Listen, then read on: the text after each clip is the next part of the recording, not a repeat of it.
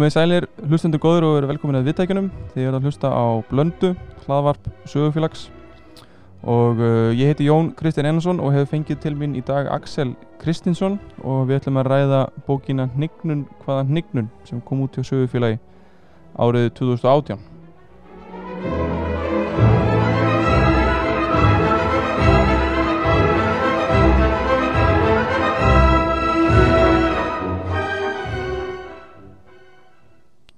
Axel, ertu velkominn? Þakka þér fyrir. Um, ef við byrjum bara aðeins á byrjuninni þá uh, hver voru tildröð þess að þú ákvæmst að skrifa bóku um, um, um hnignunarkenningar í sögu Íslands? Uh, já, ég hafði nú lengi verið efins um þessar um þessar hnignunarhugmyndir og, og ég er ekki deitt um það ímsir sakfræðingar svona minni kynslu sem að hafðu fylst efasemdum um þetta uh, svona frá því sent á, á síðustu öld. Uh, beint tilipni var eins og það að, að, að Guðnir T.H. Jóhannesson sem þá var fórsetið sögufélagsins hann hafði samband við mig og bara vildi að ég skrifaði bók um þetta. Og, uh, og hann stakk upp á nafninu sjálfur. Hann reyndar uh, held að ég hefði skrifað grein sem hétt þetta það var misminni hjá hann uh, þar sem að nafni kom til þannig að ég hafði einhvern tíman verið að uh, flytja einhvern fyrirlestur. Ég man ekki alveg um hvað lengur en, uh, en það kom spurning úr svar úr sval uh, um það hvernig það sem ég var að tala um tengdist hnignun í landsins. Og ég svaraði þessu þá svona hnignun, hvaða hnignun? Og þetta svona þótti eitthvað svolítið spauðilegt og greinlega hefur Guðni munað eftir þessu þannig að þannig kom þessi titill til. En sem sagt hann bara, já, vildi að ég skrifa þessi bók og ég þurfti nú ekki að hugsa mikið um. Og, og, og við fórum þá bara að stað með þetta og sóttum um einhverja styrki og svona og, og þetta gekk nú stokkarlega og nokkrum árum síðar það var sem fyrir árum síðar þá var bókin komin út. Einmitt, þannig að þetta er svona ánæguleg tilviljun eiginlega, já, svona að sumuleiti um, En ef við, ef við byrjum bara á sagt, bókin er skipt í tvo hluta það er fyrstu hluti fjallar um um hnignunarkenningar og, og hluti tvö fjallar um sérkinni Íslands þar sem þú ert svona að, að, að, hérna, að færa rauk gegn því að Ísland hafi verið eitthvað sérstaklega sérstakt. Um, Við byrjum bara á hnignunarkenningunum þær eru svona uh, mjög svipaðar að uppistöðu en það þróast svolítið í gegnum tíðina og, og taka breytingum eftir uh, því hvað aðstæður eru upp í þjóðfélaginu? Já um, sko þetta er í rauninni mjög gamalt munstur sem að kemur mjög víða við sögu, ekki bara í Íslandsögunni það að hérna, horfa til einhverjar fornrar gullaldar síðan kemur einhver einhver, einhver nýðuleging hnignun og hormungar og, og síðan kemur endurist þetta er svona ákveðið ákveðið svona hvað ég var að segja e, þema í, í, í bara í sagnalist sko. Meira að segja, meira að segja flestar skálsugur byggja í rauninni á þessari grunn hugmynd þannig að, þannig að þetta svona höfðar svolítið til fólks. Er uh, og þetta er svona, já, þetta er, þetta er sögulegt að stilla hlutunum upp svona en, en sko sögur eru eitt og, og raunveruleikin er nú oft á tíðum eitthvað allt, allt annað. Þannig að hérna, þó að þetta svona höfði kannski til fólks þá endur spekla svona sögur ekki endilega, endilega raunveruleikan en það er þjóna ákveðinu hlutverki. Getum, við getum kannski sagt að að það að segja sögur sögur sem við segjum er, að það er um, séu einhvern stýrikerfi fyrir samfélagi að það er svona hafa kannski það hlutverk að móta hugmyndaheim okkar móta svolítið hegðun okkar og hvernig við tökum afstöðu hvaða, hvaða leiði við veljum. Þannig að þannig að svona hnignunar kenningar, hnignunar hugmyndir þær hafa haft held ég áhrif á það hvernig Íslendingar sem þjóð hafa hegðað sér. Uh, hnignunar kenningin held ég hafi orðið til út frá út í sjálfstæðisbaratunni uh, og hugmyndin er í stuttumáli svo að uh, já, menn vildu að Ísland er sjálfstætt land, sjálfstætt ríki og, og það hafði náttúrulega verið undir, undir danskri stjórn. Þannig að menn urðu eiginlega ef þeir vildu að Ísland er sjálfstætt að líta svo á að uh, tímabild erlendra yfir á það hefði verið slæmt tímabild þurftur þurftur svona að réttlæta það að, að vilja vera sjálfstæð mm -hmm.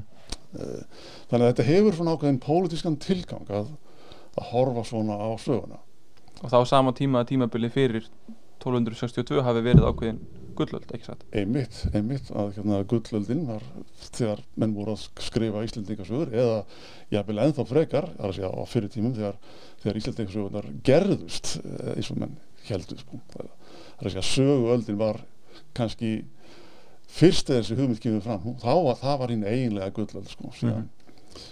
eh, það er svona, það er svona hugmyndir þróast og breytast alltaf þannig að þannig að gullöldin á síðari stífum náði alveg til 1262 og, og jafnvel eitthvað lengra stundum en allavega sko, þá, þá er þessi hugmyndum um, um gullöld og, og síðan missa með sjálfstæðið og þá fer allt á verið veg sko. mm -hmm. Mm -hmm.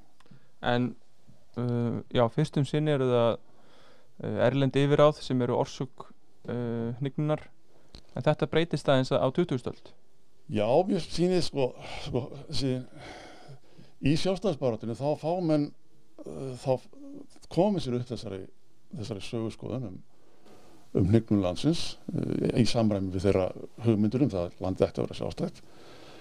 En svo náttúrulega verður landi sjálfstætt og þá er í rauninni verður þessi hugmynd um hnignum svolítið munaðalös en hún er eins og orðin svo rótgróin að það er eins og að alls konar önnur hugmyndafræði taki hana upp og nýti hana sér í, til, til, sér til, hérna, til framdráttar.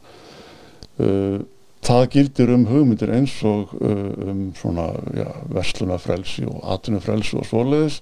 Það gildir líka um hugmyndir um uh, ja, náttúruvend skórakt, landgræðslu mm -hmm.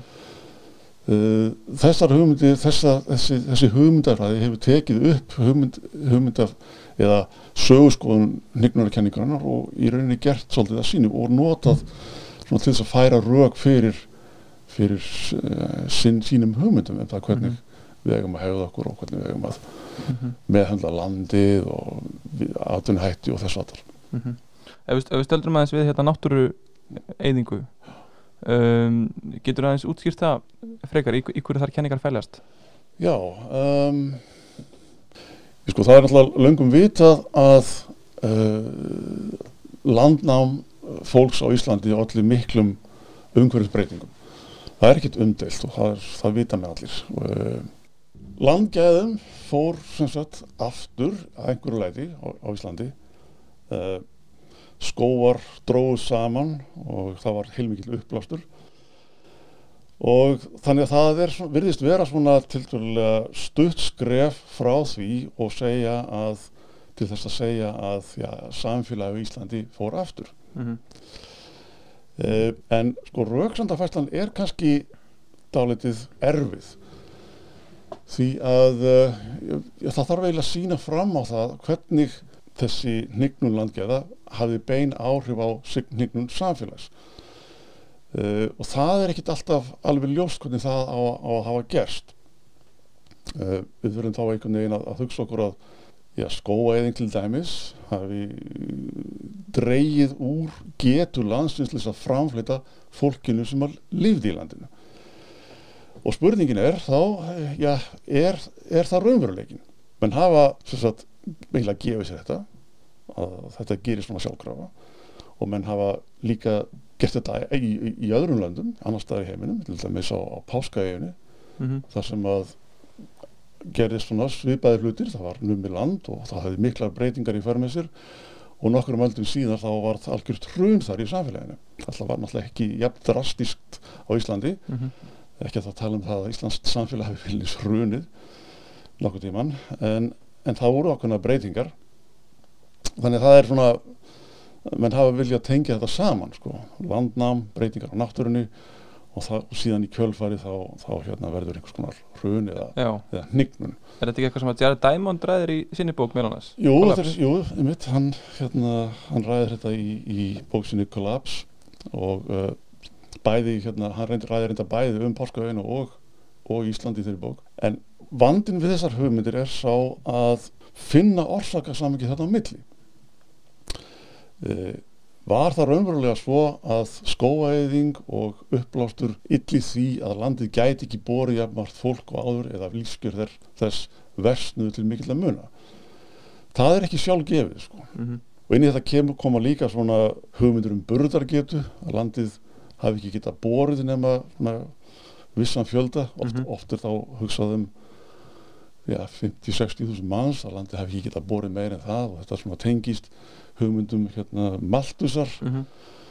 um, sem að ganga eil út á það að, að mannfjöldin leiti alltaf í, í hámarksitt e, síðan þá þá hérna er hann skorun niður af, vegna þess að landið getur ekki borðið meira ég held að þessar hugmyndir séu nú allar frekar vafasamar e, og ef maður fer, að- fer að skoða sko bara svona raunveruleikan í náttúrufari og atvinnuháttum á Íslandi frekar heldur en að einblýna á, þessar tölur þá, þá sjáum við að, að það er í rauninni ekki ástæð til þess að ætla að, að burðar geta á Íslandi hafi í rauninni takmarka mannfjöldan ef við bara í staðin fyrir að, að einblýna á það að, hér hafi verið eitthvað mannfjölda hamark 50.000 manns og skoðum í staðin sko hvað gat landi í rauninni voru gefið af sér þá held ég við sjáum að mannfjöldin náði aldrei þessu, þessu marki og var í rauninni mjög langt frá því Mhm. Ísland hefði alltaf í sjálf sér geta borið miklu, miklu fleira fólk e, að hérna bara jarðagróðin möguleikar í túnrækt, fiskveðar og allt það Mhm. þetta hefði geta borið ja, nokkur hundruð þúsund manns með að atvinnum hætti fyrir tíma að minnstakosti og ég reyna að rekna það út sko. Já, þannig að og ég held að þetta sé miklu nærtækara að nálgast þetta svona heldur en að bara gefa sér að, að það sé eitthvað, eitthvað mannfjölda hámark og, og það verið 50.000 manns og uh, mannfjöldi fór yfir það þá hlaut hann að, að fara niður, fara, að skora niður Mhm. það er í rauninni svona svolítið, hringrög í því sko. Mhm, mhm. En, en svo er annað sem gerist þannig undir uh, setna á 20. stöld að, að hérna, þessi erlendu yfiráð sem voru talin vera orsök hnignunar þeim er eiginlega skipt út fyrir einhverju svona innlenda innlenda höfðingjastjætt sem að stóð, stóði vegi fyrir framförum. Já, það er, var algeng hugmynd uh, á síðarluta 2000 aldar að, að hlingnunum væri ekki dönum að kenna heldur, heldur íslendingum sjálfum uh, bændum eða íslenskum höfðingum eða einhverjum álíka fáráðlingum um, það er þurfa menn þurfa alltaf svona þetta er svona hugmyndafræðileg og, og svona gildislaðin sögus sín í þessu. Menn þurfa alltaf að að finna einhver, einhver íllmenni eða fáranleika bjána sem að, sem að hérna eru ábyrgi fyrir hnignuninni. Og það eru auðvitað einkenni á svona uh, já, pólitískri eða semipólitískri hugmyndafræði. Að það er alltaf spurning um gott og illt sem eru góðir og aðrir eru vondir og, og hérna og hnignun Íslands eru auðvitað að kenna einhverjum, einhverjum sem ekki ekki voru góðir menn, bændur eða höfðingjar e, já og, og þessi sérstaklega kannski hugmyndin um, um, um, að, um að bændur hafi átt sög á hnignunni uh, hún hefur svona hlotið tölvtáðsverðan hljóngrunn meðal einmitt svona náttúrönda fólks Mhm. sem að vilja kenna bændum um, um landeyðingu, uppblástur og allt það sko. Mhm. og svo náttúrulega bætist við þetta líka hugmyndir um, um að bændur hafi kúað vinnufólk, vistarbandið og allt þetta átti að hafa haldið uh, Mhm. aðtunlu lífi í skefjum og komið í veg fyrir framþróun um, íslenskra aðtunháta Mhm. og Ísland hafi þannig dreigist aftur úr, úr hérna Evrópu á, á þeim tíma Mhm. Og, og, og að bændur hafi stæði vegi fyrir aukinni satt? Jó, uh, já, einmitt að bændur já, vildi ekki kom, vildi ekki sækja sjóin eða komið í veg fyrir aðrir sóttu sjóin uh, heldu sem sagt vinnu fólk, fólkinu í í hálgirir ánöð í, í vinnumessku og já, þetta er þetta er nú svona held ég allt svona frekar var samt sko. Já, um, hérna ég held satt að segja að það sem að það sem að er helst, sé helsta sérkenni Íslands á þessum tíma er bara það að landið var í rauninni undirmanna, það var fátt fólk í landinu. Mhm, uh, og aðal ástæðan fyrir því að fiskvegar voru ekki meira stundar var einfallega svo að um, já, landbúnaður var örugari atuna og Mhm. ekki næri því eins hættuleg Einmitt. þannig að þannig að ef að fólk hafi val þá hefði fólk til tilhengu til til þess að velja landbúnað en, og fólk hafði oft á tíðum það val vegna þess að það var ekki ekki dómart fólk í landinu mhm, e, þegar fólkinu fjölgaði þá jógst áherslan á fiskveðar og fólk var að stunda sjóin meira vegna þess að það þurfti bara einfallega að afla meiri matar. Sko. mhm. Einmitt. Þannig að þetta er í raun og verið þannig að, að, hnignunarkenningin hún lifir en það er bara alltaf, er alltaf skipt um einhvern veginn personur og leikundur en, en engin efast um kenninguna sjálfa. Já, það var þannig allavega á, á, á 20. stand já, hún er svona einhvern veginn það sjálfsögð. Já, sko, við, við, við lærðum þetta sko, drukkum þetta með móðumjölkinum líkum við. Mhm, e, ég var nú í bandaskóla svona í kringum 1970 og við lásum Íslandsögu Jónas frá Hriblu mhm, sem var nú mikill byggð á hugmyndum Jóns Aðils frá Mhm. því í kringum 1900 hann skrifaði uh, alþýð, eða, eða flutti alþýðu fyrirlestra um aldamótin og í byrjunum 20. aldar það sem að þessi hnignunarkenning kemur mjög ákveðið og skýrt fram Jón Aðils var ágættur sakfræðingur skrifaði hérna uh, merkilegt rít um einagunum verslundan á Íslandi og, ger, og það, það er fínt rít sko. Já. en, en hérna þessi þessir alþýðufyrirlestar, þar kemur fram hinn sko, hinn raunverulega sögu sko hans, já, sem hann svona held kannski svolítið í skefjum þegar hann var að skrifa meira, meira fræðilega. En, en þar er þessi hningunarkenning alveg, alveg kýrskýr. Já, og hún gengur síðan aftur hjá Jón frá Hriblu og er, þannig var það hann dælt inn í ungu kynnslóðina og, og mig og, og fleiri og í rauninni sko mjög stóran hluta af 20. aldrinni þá læriði, læriðu börn hningunarkenninguna úr af bókum Jónas frá, frá Hriblu já, einmitt og, uh, og þannig að þetta var bara sjálfsagt og eðlilegt að hérna, Ísland hefði, Íslandi hefði hnignað þessum tíma og, og það datt í rauninni engum í hug að efast um það uh, menn svona fóru eftir að sjálfstæðinu var náð að svona að, að reyna að svona fría Dani undan þessari sög en menn fundu þá bara eitthvað annað og þetta var alltaf góð kenning til þess að, til þess að láta hana bara falla niður þannig Nei. að menn fóru að nýta hana í eitthvað annað sko.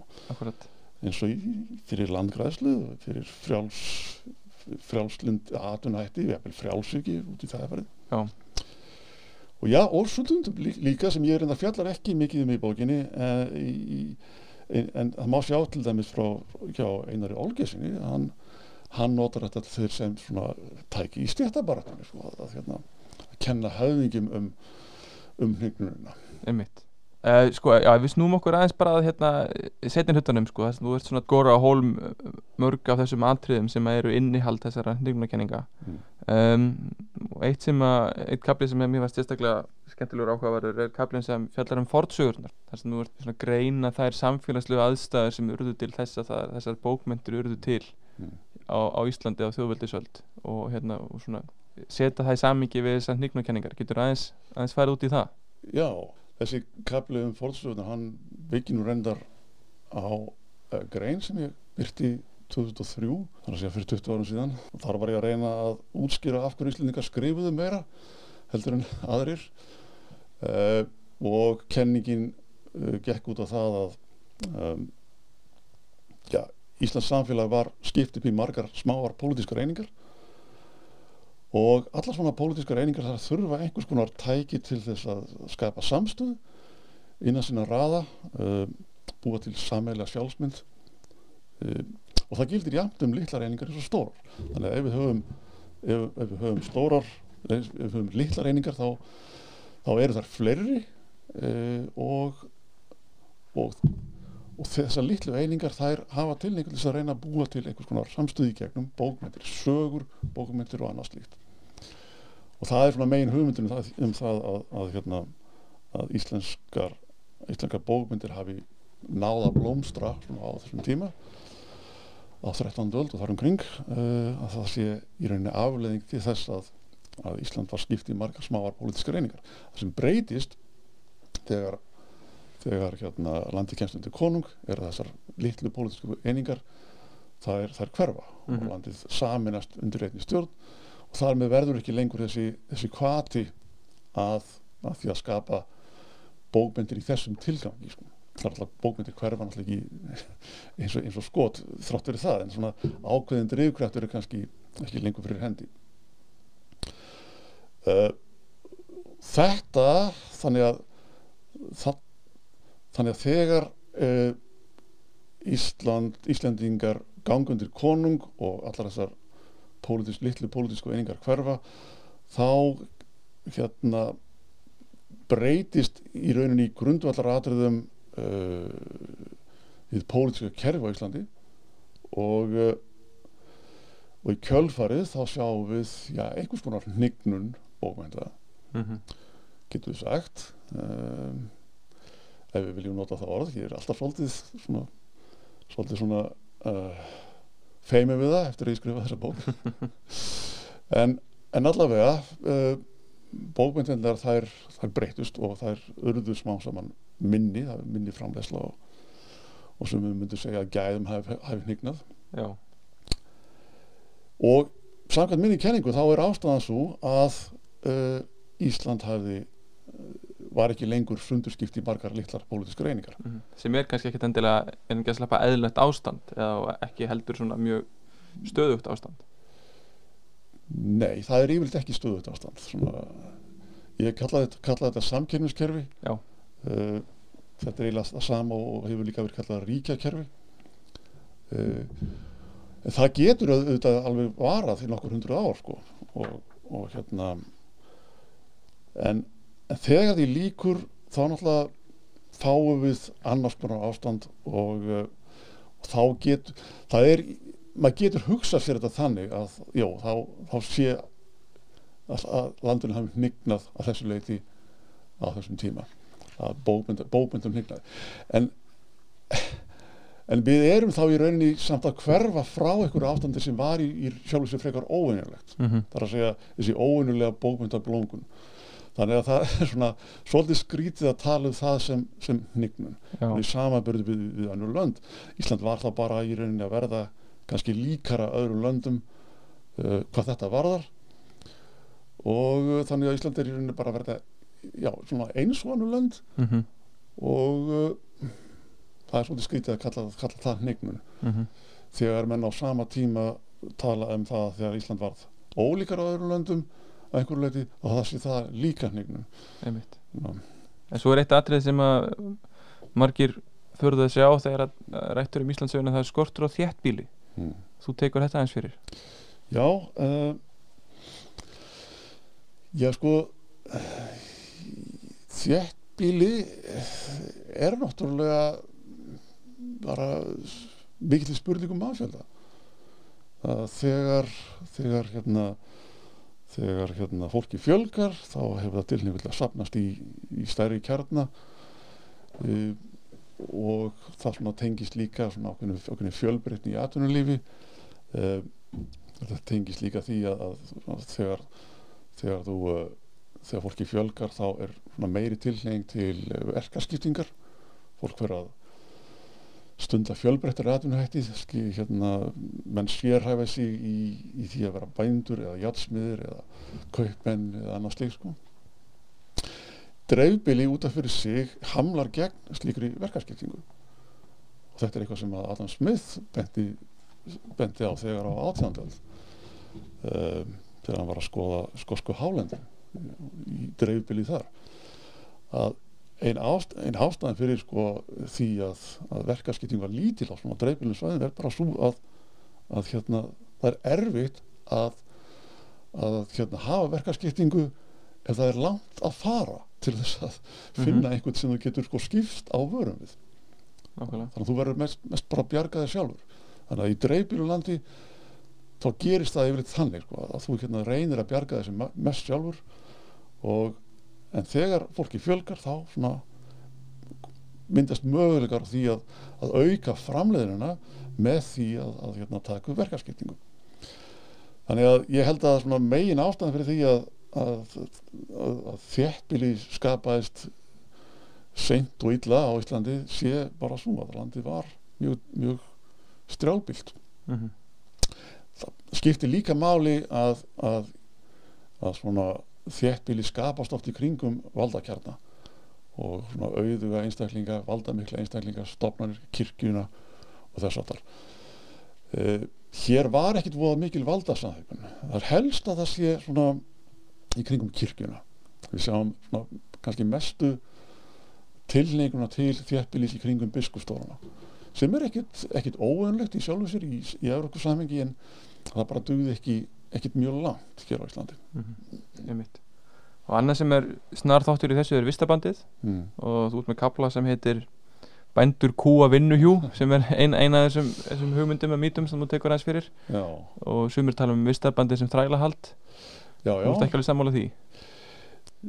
Sko ég ætla ekki að, að fara að fara að lofa og prísa vistabandið.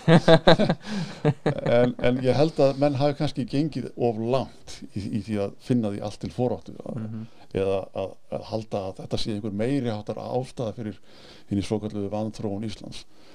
Sko uh, vistabandið er ja, sumuleiti bara eðlilegt sko, þetta er bara það að, að þú þarft að vera í vist uh, hjá bónda uh, uh, og í, í svona samfélagi eins og var á Íslandi þar sem að þar sem að vinnan er mjög árstíðabundi þá er í sjálf sér ekkit óæðilegt að binda það við, við eitt ár í senn.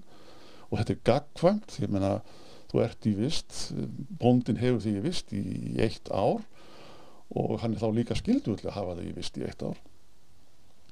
Uh, uh, sko vistabandið er væntanlega tilkomið vegna þess að bændur sko, þurftu að tryggja sér vinnuafl á tímum vinnuaflskorts þegar, þegar sko, var til dæla fátt fólk í landinu. Og e, þannig að sko það er ekkit endilega sko hagstætt vinnufólki að, að þurfa að vera, vera í vist á slíkum tímum og, og í rauninni óhagstættum en ég meina þannig bara gerist þetta af sko það eru valdað meiri aðeinar í samfélaginu þeir svona koma sínum hagsmunum fram. Mm -hmm. en, en hérna þegar fólki fjölgar aftur á móti þá er eins og að þetta þetta hérna, ég ætla svona svolítið leysi svolítið upp, þá, þá er vandamálið ekki lengur fyrir hendi, vandamálið sem átt að leysa með vistabandinu var að tryggja bændum vinnuafl. Mm -hmm.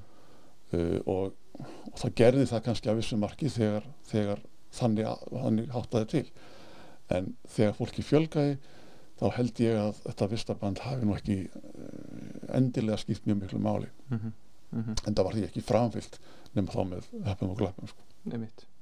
Um, þú ræðir þessi í, í inganginum hérna um stöðu Íslands uh, setjum hluti 19. aldar og byrjun 20. aldar og, og Ísland hafi verið og ég held að þetta sé svona hugsanlega einhver atbyrðar á sem að mótar mjög hugmyndir fólks um þessar hnignukenningar það er svo stærnd að Ísland var getur ekki sagt Ísland hafi verið svona tiltörulega seint að nútíma væðast eða yðnvæðast með við mörg nágrannar ríki um, en, en það þarf ekkert endilega því að Ísland hafi alla tíð verið eftir á nágrunum sínum eða hvað?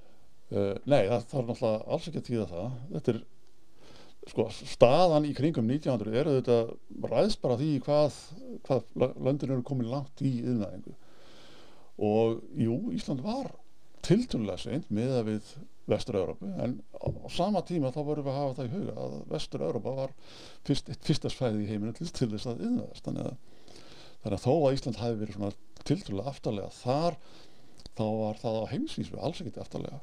Mhm. síðan er svo. Svona frekar framhalega mm -hmm. svona á heimsvísu heldur en, heldur en, heldur en ekki sko. þannig að, þannig að uh, þetta er alltaf mikið spurning um uh, já, hvað þú miðar við sko.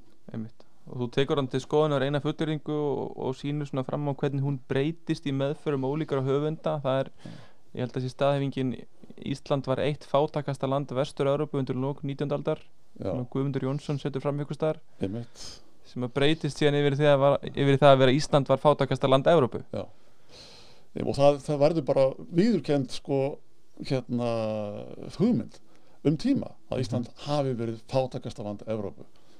Uh, ég vil það eftir að meða kannski við, tíman í kringum 1900 eða rétt fyrir 1900 mm -hmm. og þetta er svona, verður svona eins, eins og flökkusögn sem að fólk getur upp hver, hver eftir öðrum. Mhm. En þetta er óskum einfallega rámt uh, og það er mjög auðvelt að sína fram á þetta, þetta er rámt Ísland var svona ef við byggðum við hérna landsfræðislega mann þá var það svona rétt fyrir neðan meðalag í Evrópu á þessum tíma. Alls ekki að botnum uh, og það var svona þokast upp.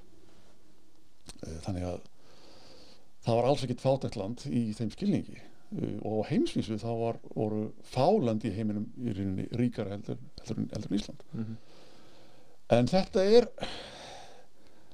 þetta virðist vera eitthvað sem að fólk svona vildi trúa vildi svona hafa og vildi trúa þessari öskubusku sögu um það að fátækasýstirinn Ísland hefði í krafti frábæra eiginleika eða sjálfstæðis eða hvað þannig var risið úr öskustóni og orðið eitt af ríkustur löndum heims. Mhm. því að það var mjög gjarnan nýtt aftan við sko. Menn sögðu mjög gjarnan eitthvað, eitthvað svona. Uh, Ísland var eitt, var, var fátakasta land Evrópu en er núna eitt af ríkustur löndum heims. Þetta Mhm. er svona ákveðin, verður svona ákveðin klísja og þú vitnar í, í fjölmarkar ræður stjórnmálamanna já, sem að segja þessa sögu á, á, á tillitugum mjög margi stjórnmálamenn endur tóku þessa sögu aftur og aftur og aftur. Og fólk hefur greinilega trúað þessu en ég veit ekki hvort það hefur breyst. Einmitt. En við, já, við höldum bara hérna áfram. Sko, eitt sem að hérna margir tala um þegar tala um hningnun er, er einoguna verslun Dana á Íslandi. Mm það, það er eitt kappi sem fjallar um, um, um verslunar ánöð hjá þér. Já, jú, jú, eh, hérna, eins og ég sagði aðan, sko, Jón, Jón Aðils, hann skrifaði höfðuritt sitt um einugurarverslunina. Gísli Gunnarsson skrifaði líka uh, sitt höfðuritt um einugurarverslunina. Báðir þessir höfundar töldu uh, einugurarverslunina vera mjög neikvæða og uh, Gísli Gunnarsson, hann taldi að verslunarhættir hafi verið, já, megin orsökin fyrir ja, efnahagslegri vannþróun Íslands e, og ég held nú að þeir gangi svolítið á langt í því. Ég ætla alls ekki að halda því fram að, einhvern veginn hafi verið hagfæld eða jákvæð fyrir Ísland en, en það er bara svolítið skrítið að tala um, um að verslun geti haldið samfélagi í fátæku og vanþróuðu e- ef að, ef að hérna, það, þetta samfélag er ekkit sérstaklega háðverslun því að uh, á tímum einangrunarverslunar þá var verslun ekki nægilega mikil til þess að hún skipti verulega máli fyrir svona flest fólk mm -hmm. uh, til því að lítið hluti að framlæslu hvers bús fór í, í var seldur uh, þetta var sjálfsöldarsamfélag í aðalatriðum Mhm. og þannig að afkoma fólks byggðist að mestuleiti á því að já, hvernig búskap það stundi og, og hvað, það gerði í búskap og, fiskvöðum þar sem það átti við Mhm.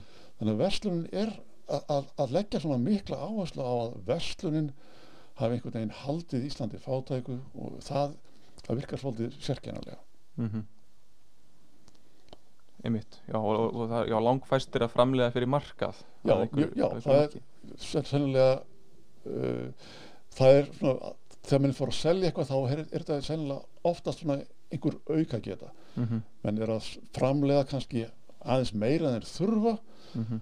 og svona alltaf að hafa borð fyrir báru og svona þegar þeir þurfi ekki á því að halda þá geta þeir selt afgangin sko og fengið eitthvað, eitthvað í staðin þannig að verslun fyrir flest á þessum tíma hefur ekki verið e, ekki mikil nöðsinn Mhm. flestir hafa getað komist af án mikil af verslunar einmitt uh, og svo er annan tengt þessu það er íhaldsemi og það er kannski aðeins tengt þessum svona bjánaskap sem þú varst að tala um áðan að fólk hafi einhvern veginn bara verið svona eitthvað einfalt og, og, og íhjaldsamt og þess vegna hafi, hafi hérna hafi framþróun ekki orðið Já, ég held að síðan almennt bara mjög varhugavert að, að að rekja sko söguleg ferli til persónulegra eiginleika fólks eins og íhaldsem, hvort sem það er íhaldsem eða eitthvað annað sko. í, fólk gegnum sneitt hvar sem er í heiminum er er svona er ekkit, er svipað mm -hmm. það er og svona mismunandi eiginleika fólks þeir vilja jafnast út uh, þegar við tökum svona stóra hópa þannig að stórir hópar við uh, berum saman tvo stóra hópa uh, þá eru þeir yfirleitt ekkert mjög ólíki þó að fólkið innan hvers hóps Mm -hmm. getur verið ólíkt þannig að, að, að leita að skýringum sögulegum skýringum í einhverju sem eru, eru persónulegir eiginleikar það er, það er svona frekar frekar vafa samt held ég. Uh, með að Íslendingar hafi verið íhjaldsamir og það skýri eitthvað. Uh, sko, sko já, já bæ, bændur hafa það orð á sér að það vera íhjaldsamir en flest samfélag heims á þessum tíma voru bændarsamfélag Já. og þau voru þá öll íhjaldsam hvað það var þar mm -hmm. skýringagildi íhjaldsami held ég sem nú kannski ekki ekki drosvarlega mikið. Mm -hmm. einmitt. Það fer nú að síga á setan hlutan hjá okkur held ég en um, mér langar bara aðeins í lokin að, að spyrja þig út í sko það er hvernig maður vindur ofan af svona sögurskoðun ég var með Helgi Þorláksson og var hjá okkur í vittali núna fyrir tveimur mánuðum að tala um bók sína á sögustöðum mm -hmm. sem hann er svona, við getum sagt aðeins í einhverju liti í svipari vinnu og þú í þessari Já. bók þetta, þetta er alveg það er alveg ótrúlega seikt í þessum hugmyndum og sérstaklega á meðal bara almennings, þetta eru hugmyndir sem einhvern veginn svona það, er- það er passa vel, það eru einfaldar það eru auðvelt að, að, að, að skilja þær og leggja þær á minnið og svo framvegis eigum, eigum við sakfræðingar einhvern tjens erum við bara, hérna, Mm. bara eins og Sisyphos uh, það er eins og þú segir sko, þetta eru, eru einfaldar hugmyndir og það er mjög auðvelt að, að hérna, samsama sig þeim sko, ég held að svona fólk almennt að mm, noti söguna uh, já svona sem uh, já, ég svolítið eins og skálsögu sko. það, er, það er að hugsa um söguleikana að eitthvað sé sögulegt, skemmtilegt Mhm. forvillilegt, áhugavert það er ekkit endilega að hugsa um, um söguna sem uh, já, hvað hefum að segja vísindalega um, vísindalega viðfánsefni sko, ég líti á söguna þannig að, að eða sakfræðina þannig að, að þetta sé uh, spurningum það að við erum að reyna að skilja hvernig mannleg samfélag þróast og breytast. Og við notum auðvitað dæmi til þess. Og það eru auðvitað ímsar fræðikarinn sem gera þetta sama minna forlega fræði, mannfræði félagsfræði og svo framvegi sko. meirið að minna þannig að, að, að sko við eh, eða ég allavega sem sagfræðingur er ekki reyna að segja sögur ég er ekki reyna að skemmta fólki sko. en, en fólk vil láta skemmta sér þannig að þetta er og þetta er mjög skemmtileg bók verði ég að segja, fyrir. hvaða hnignun þakka þið fyrir uh, það hjálpar þetta að maður reynir að vera skemmtilegur en hérna, maður er ekki ég er ekki að reyna að segja sögur eins og, eins og sko svona til, þess að skemmta fólki. Þá er allt, alltaf kannski svolít og ef maður er að keppa við þannig sagfræði sem er að reyna að segja sögur reyna Mhm. að uh, vera skemmtilegur þá, þá er maður kannski svolítið uh, stendur maður svolítið höllum fæti. Um, en ég held að það sé alveg þess virði hvort að það kemst í, til skila á endanum. Já, ég hérna ég er ekki úrkóla vonar um það að hérna að fólk svona almennt að muni nú átt að segja á því fyrir það síðar að, að Íslands sagan sínum kannski svolítið öðruvísi heldur en Jónas frá Hriblu taldi. Og ég held að það sé nú líka bara holdt fyrir fólk að, að hérna, og fyrir Íslendinga sem þjóð að, að hérna að endur skoða þetta og, og þessar hugmyndir það ganga alltaf svolítið, út af það að Íslendingar séu eitthvað voða spes öðruvísi, sérstakir. Mm, og ég held að það sé í sjálf sér ekkert mjög holdt Nei, einmitt. Ég held að við látum þetta verða loka orðið í dag, Axel. Bara kæra þakki fyrir komuna í, í blöndu. Takk sem leis og ég bendi hlustandum á að, að, bókin Hnignun hvað hnignun er, er fáinlega í, í langflestum bókabúðum og á sögufélag.is